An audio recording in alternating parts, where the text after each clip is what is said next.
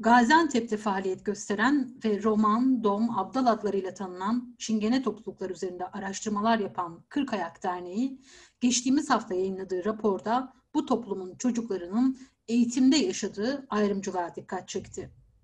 Derneğin raporuna göre özellikle Suriye iç savaşından sonra sınır kentlerinde yaşayan ve mültecilerin bile ayrımcılığına uğrayan Çingene toplulukları yoksulluğun en katmerlisini yaşıyor. Rapora dair konuştuğumuz dernek yöneticilerinden Kemal Vuran Tarlan çalışmaları hakkında şunları söylüyor ve Çingene gruplar hakkında şu bilgileri veriyor. Ben 20 yıldır Orta Doğu'daki Çingene grupları yani Dom ve Abdal ve diğer e, peripatetik gö- göçebe zanatkar gruplar dediğimiz gruplarla ilgili çalışmalar yapıyorum. Hem bir yandan akademik çalışmalar bir de yandan da kültür ve yani kültürleriyle ilgili. Aslında biz e, bu gruplarla ilgili hak temelli çalışmalar yapıyoruz Orta Doğu'da ki yaşadıklar. Çünkü Orta Doğu'da yaklaşık 5 milyon civarında e, Dom Çingene grubu yaşıyor. Domlar başta olmak üzere. Bunlar yaşadıkları ülkelerde bey haklara erişim konusunda büyük sıkıntılar yaşıyorlar ve ayrımcılığa uğruyorlar.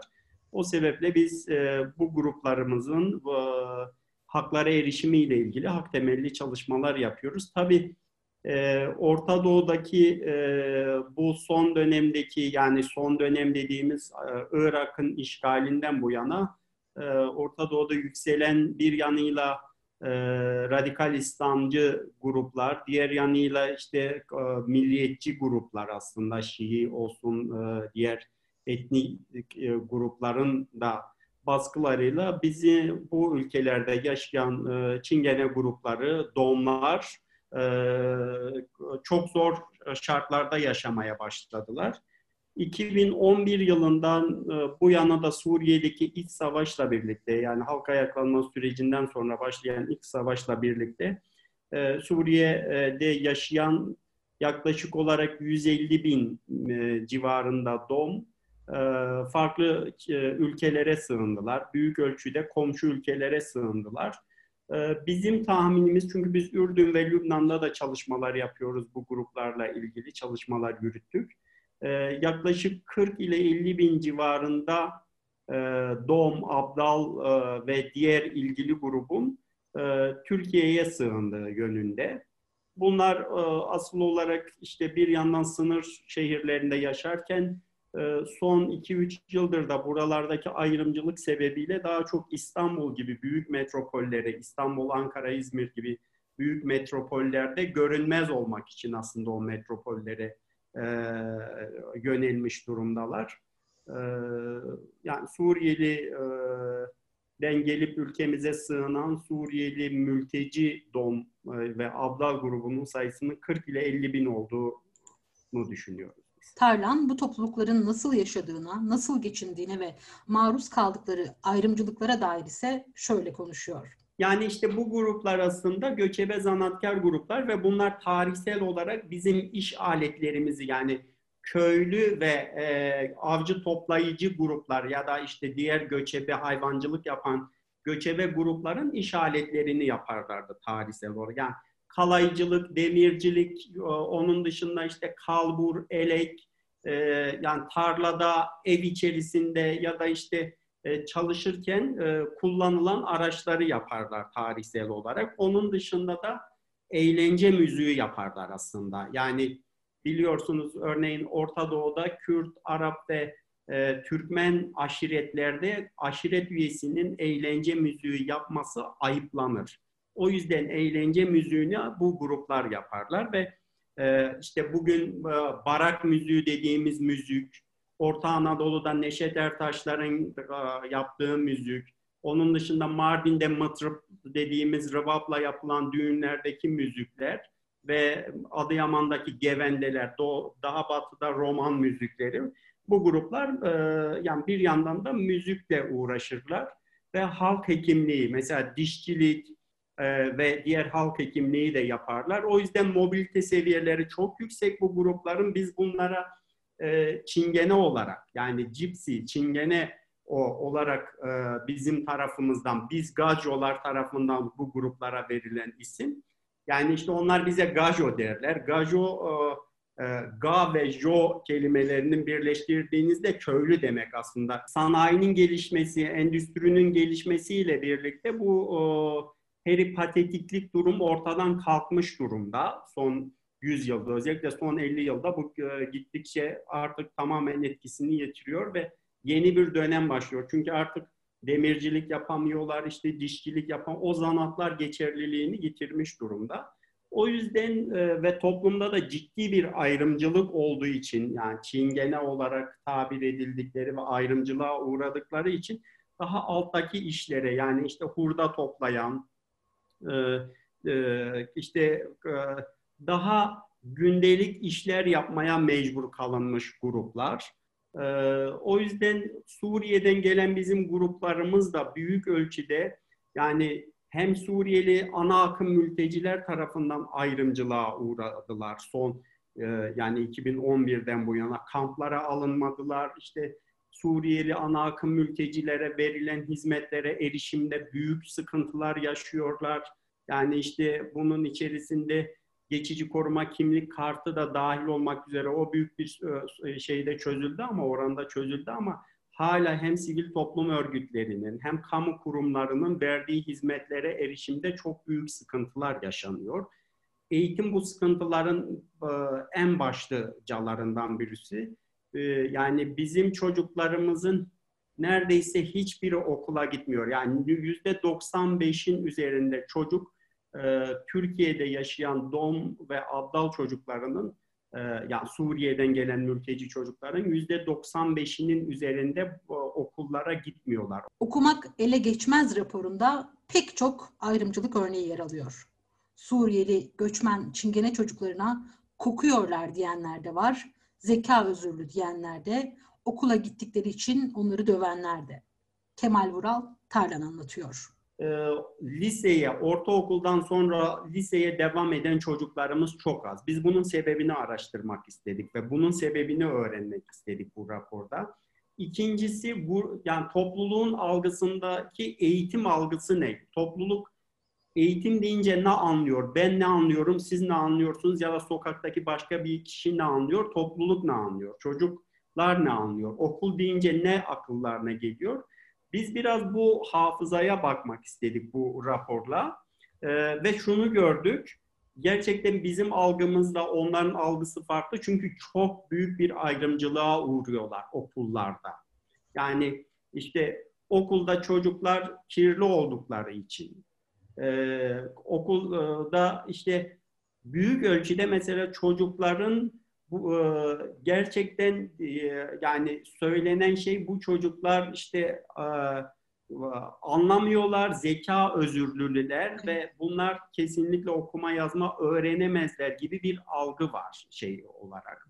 Bu maalesef öğretmenlerde, okul müdürlerinde de var. Yani işte bir okula gidiyorsunuz oradaki öğretmenlerin bakış açısı gerçekten bir okuldaki müdür bu çocukların okula erişimini e, istiyor ve bunun için çalışıyor ama diğer okulda bu çocuklara ben nasıl okulda, okulun bahçesinde okuldan uzaklaştırırım gibi e, pratikler var. Biz biraz buna bakmak istedik. Bizim gruplarımızın yaşadıkları mahallelerdeki algıya bakmak istedik. Hem karşı tarafta hem de bizden taraf nasıl bir algı var. Ona bakmaya çalıştık. Yani e, raporun temel e, şey şu, çocukların okula devam etmeleri için ne gerekiyor? Yani bir ailelerin işte bu konudaki şey var. Çünkü e, eğitim meselesini geçim kaygısı meselesiyle e, şey yapıyorlar ya ve yani şu diyorlar. Ben zaten zar zor geçiniyorum. Baba şunu söylüyor. Ben o yüzden işte gidip Ankara'da da çöp topluyorum. Kırşehir'de de topluyorum. Ben eğer gidip göçebe olarak gezip ya mevsimlik tarım işçiliği ya da geçici olarak yani göçebe olarak bir yerlere gitmezsem kendimi geçindiremem ve çocuğu e, okula gönderirsem bu bunu bitirmiş olurum ve ben aç kalırım e, diyor. E, yani gerçekten böyle çok katmanlı ve ama bu katmanların hepsinin ayrımcılık üzerinden şekillendiği bir e, mesele var önümüzde, bir olgu var önümüzde ve bunun temelinde ayrımcılık aslında. Her şeyin altında baktığınızda işte iş bulamıyor çünkü çingenesin deniyor ya da işte abdalsın deniyor, iş verilmiyor ve Antep'ten kalkıp Urfa'ya ya da Ankara'ya gitmek zorunda kalıyor. Orada bir ayrımcılık var. Yani işte okula çocuk e, çocuğun elbiseleri sadece bir ya da iki şey elbisesi olduğu için çocuk hep aynı elbiseyle gidiyor ve orada kirlisin, kokuyorsun diye şey yapılıyor.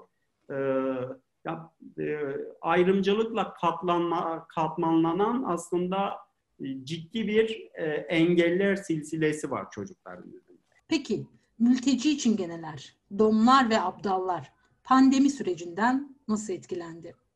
Dinleyelim. Bazı toplumsal kesimler salgın döneminde geride bırakılıyorlar. İşte bu geride bırakılanlar içerisinde en önemlisi mesela göçmenler ve göçmenlerin alt e, grupları. Biz e, kurumsal olarak e, yani biz Suriye'den gelen Dom ve Abdalların hizmetlere erişimini sağlayan bir kurumuzda. Ve biz yani Nisan ayında, Mayıs ayında e, kurumumuzu kapatamadık. Çünkü şöyle bir şey, işte insanlara biz diyoruz ki ya üç gün evden çıkmayacaksınız, dört gün evden çıkmayacaksınız diyoruz. Ama insanlar bizi arayıp şöyle diyorlardı. Ya ben dört gün evden çıkmayacağım ama benim evimde yiyecek hiçbir şey yok. Dört beş tane çocuğum var ve ben çıkmazsam dışarıya aç kalma, aç kalırım yani şey açısından. Şimdi bu durum gerçekten özellikle o ilk aylarda topluluğu çok ciddi derecede yoksul bir topluluk zaten bizim toplumumuz.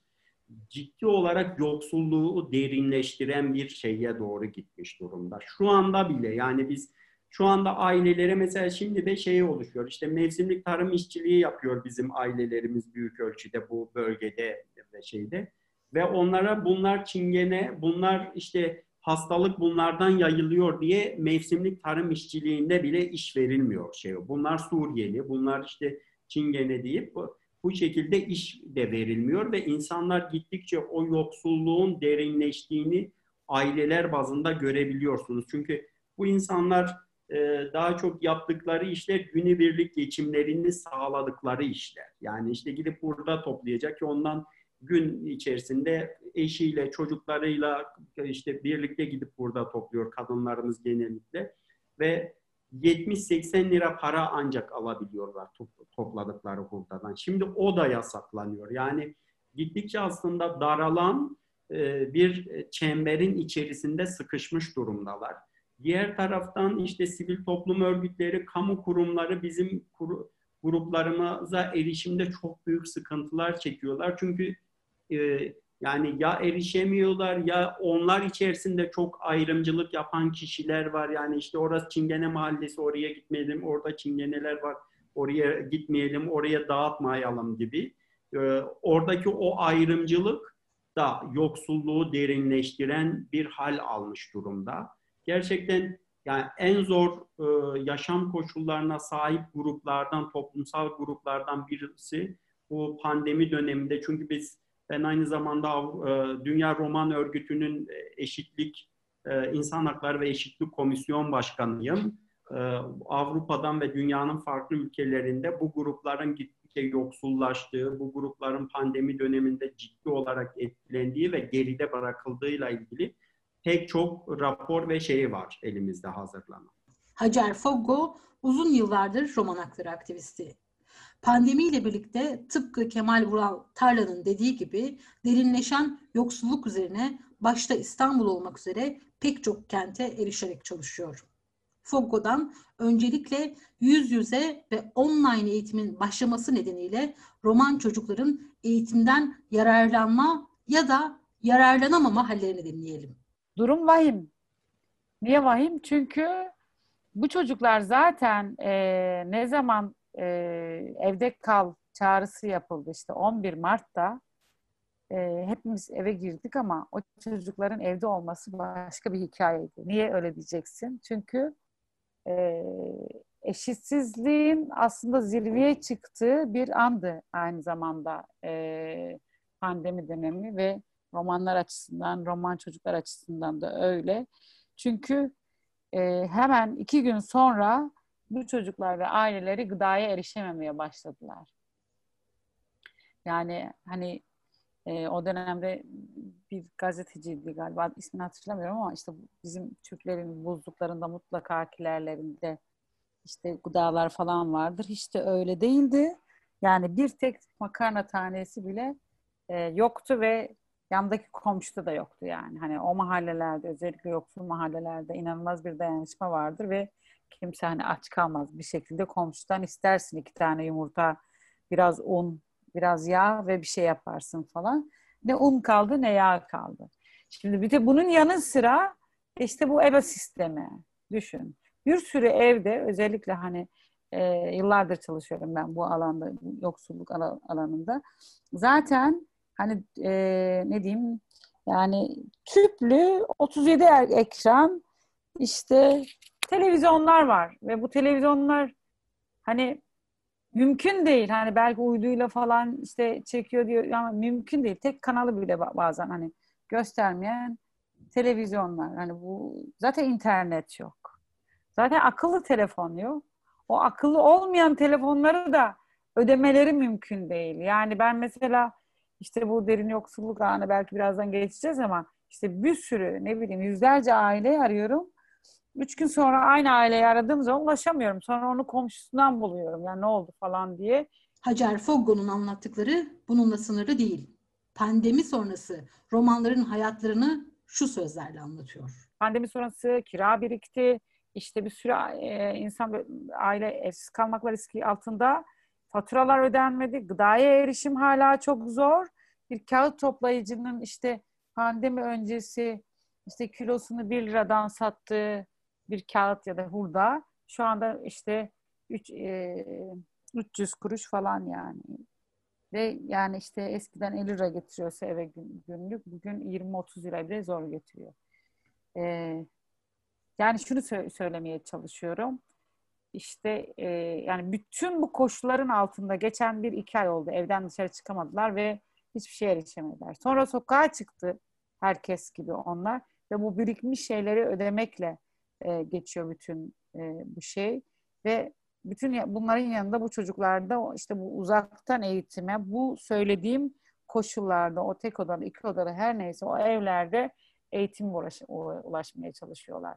Daha biraz önce e, yayınına bağlanmadan önce bir anneyle görüştüm. E, aynı zamanda e, işte kayıt için çocuğunun kayıt için iki çocuğunun kaydı için okula gidiyor ve okulda diyorlar ki bize 600 lira 600 TL işte kayıt parası isteniyor. 300 lira bilmem dezenfekte için işte şu kadar da bilmem ne. Yani e, mesela gıda gönderdiğimiz o pandemi döneminde gıda gönderdiğimiz e, bir yalnız anne aynı zamanda işte iki tane okula giden çocuğu var bir de bebeği var. E, hani böyle bir şeyde bile yani bir de ayrıca hani hallettik işte konuştuk okulla falan çözdük ama hani böyle bir sürü ailenin olduğunu düşünün. Hani bir de bu hikaye var.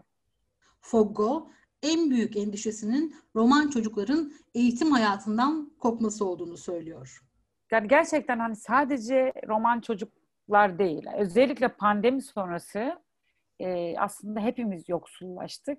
Ama bu bu dipte olanlar yani dipte dediğim bu hani e, asgari ücretin de altında e, yaşayanlar yani işte ayda belki bin lirayla 1500 lira günlük kazancı olanlar, sosyal güvenceleri olmayanlar hani bir fabrikada bile çalışırsın hani belirli bir gelirin vardır.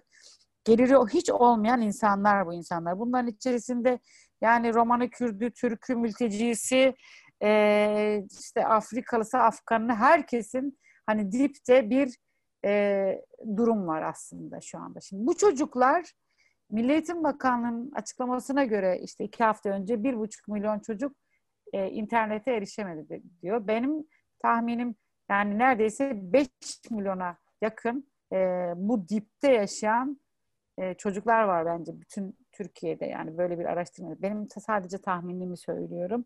Ve bu çocuklardan ben size söyleyeyim yüzde kırkı okulu bırakacak. Niye? Çünkü hem pandemi sürüyor bir, hem gerçekten pandemiyle birlikte e, bu yani ayda hani yani kirayı ödeyemiyorlar. E, Birçok insan birbirlerine evler hani evler birleşildi, ailelere taşınıyor. Yani e, kendisine baraka yapan e, bir sürü aile var falan. Bir evsizlik sorunu devam ediyor. Gıdasızlık sorunu devam ediyor. Ve bir taraftan da şimdi sen eğer kayıt parası bu çocuklardan bir kayıt parası istersen bu çocuğun evinde televizyon yokken ne yapacak? Yani iki, iki ay boyunca zaten hani bu çocukların hiçbir eğitime erişemedi. Şimdi bu böyle devam ederse e ne yapacak? Babasıyla kağıt toplamaya gidecek. Babasıyla geçici tekstil atölyelerinde çalışmaya devam edecek. İşte caddenin ortasında ölümüne çiçek satacak. Bir tane çocuğumuz e, geçen yıl böyle 16 yaşında bir çocuğumuz e, bu Ataşehir tarafında E5'te de yaşamını yitirmişti su satarken. Ve böyle bir sürü hikayede bulabilirsin. Ne olacak? Çalışmaya başlayacaklar. Peki ne olacak? Bu derin yoksulluk dediğimiz şey tam da bu yani. Bu çocuklara devredilen tek şey yoksulluk. Ya bu böyle devam edecek. İşte benim zaten hani e, uğraştığım ya da işte çabaladığım ve bu insanlara, ailelere bu derin yoksulluk ağ, ağıyla birlikte ulaşmaya çalıştığımız işte evlere ne bileyim işte televizyon bağışıysa televizyon bağışı, tabletse tablet, internetse internet artık ne kadar çocuğa ulaştırabilirsek ulaştıralım. Çünkü biliyoruz ki biz bunu yapmazsak 30 tane, 40 tane, 50 tane, 100 tane her neyse bu çocuklardan en azından hani biz kendimiz e, çabalarımızla bu çocukların okuluna devam etmesini sağlayalım. Yani bunu yerel yönetimler daha sıkı yapmalı. Onların olanakları daha fazla, kamunun olanağı daha fazla. Ama böyle işte işte kampanya başlattık. Hadi toplayalım. Ee, işte bir sürü şey. Tamam çok iyi, süper ama yani nereye gidiyor bu? Hangi çocuğa gidiyor? O çocuğa gerçekten o programı kurun. Ee, interneti ücretsiz yapın. İşte televizyonu değiştirin. Sonra o çocuklarla e, o okuldaki öğretmenlere deyin ki ya bu çocukların durumu böyle. Siz onlarla daha yakından ilgilenin ki bu çocuklar bu okulu bırakmasın. Evet. Yani bu çocuklara devredilen şey sadece yoksulluk olmasın yani. Hacer Fogo sorunun çok büyük olduğuna dikkat çekiyor. Kendilerinin dayanışma ağları oluşturduklarını ama bunun ötesine de geçmek gerektiğini söylüyor. Bu dayanışma ağları bir kere ço- çoğalmalı. Yani biz tamam devlet diyoruz, yerel yönetim diyoruz ama onlar da henüz çok fazla kıpırdamıyorsa oturup bekleyecek şeyde değiliz yani hiçbirimiz. Yani e, bu dayanışma ağları çoğalmalı, insanlardaki dayanışma ruhu artmalı. Çünkü bizim hepimizin umuda ihtiyacı var. Yani senin oturduğun apartmanda işte en altta oturan çocuk ya da mahalledeki çocuk. Yani biraz bu hikaye böyle biraz genişlemeli diye düşünüyorum. Biz bunu devam ederken tabii ki biz aynı zamanda diyeceğiz ki ya biz bunları yapıyoruz ama sen de gel şu şeyinden tut ya da yaptığın şeye biz başka türlü destek olalım. Devlete de demeye devam edeceğiz. Yerel yönetimlere de, de devam edeceğiz. Yani biz şu anda derin yoksulluk ağı olarak şu anda biraz da hani gıda evet ama daha çok şu anda eğitime de yoğunlaştık. Yani işte diyoruz ki tamam senin çocuğun evinde e, yeni bir e, iPad her neyse tablet aldıysan ya da televizyon almak ister misin falan böyle destekçiler var. Gerçekten ailelere göndermeye başladılar. Biz de e, toplamaya başladık. Onlara bu programı da kuracağız. Bir şekilde belki mentörlük yardım da edeceğiz derslerine falan. Yani durmuyoruz, durmayacağız da. Şu ana kadar tüm Türkiye'de 2000 aileyle dayanıştıklarını söyleyen Fogo son olarak herkesin etrafına bakması gerektiğini, etrafındaki yoksulları görmesi gerektiğini söylüyor. Bir derin yoksulluk e, ağının Twitter'ını, e, web sitesini, Instagram hesabını izleyebilirler. E, evlerinde hani işte kullanmadıkları bilgisayarlar falan varsa bizim açık kalan derneğimizin derneği ofisine gönderebilirler. Biz bunu ihtiyacı olan çocuklara e, gönderebiliriz. E, ikincisi yani derin yoksulluk ağını da hani bıraksınlar kendi bulundukları mahallelerde, kendi bildikleri yani hani bu söz söylemek istemiyorum ama yani oturdukları apartmanda işte o en alt kattaki görevlinin e, çocuğuna yani nasıl gidiyor okula, internetiniz var mı diye sorabilirler. Yani nedir yani bir internet işte aylık 80-90 civarında aslında değil mi? 90 TL aslında. Yani bir yıllık işte internetini ödese o çocuğun e, o çocuğun okula devam etmesini sağlayabilir ve yani birazcık böyle gözümüzü başka türlü e, açmamız lazım. Etrafımıza daha farklı bakmamız lazım. E, gerçekten diyorum yani bir adres göstermeye de bazen ihtiyaç duymuyorum. Hani yürürken zaten görünüyor. Her yerdeler yani. Yeter ki hani niyetimiz ve e, başka türlü bakalım.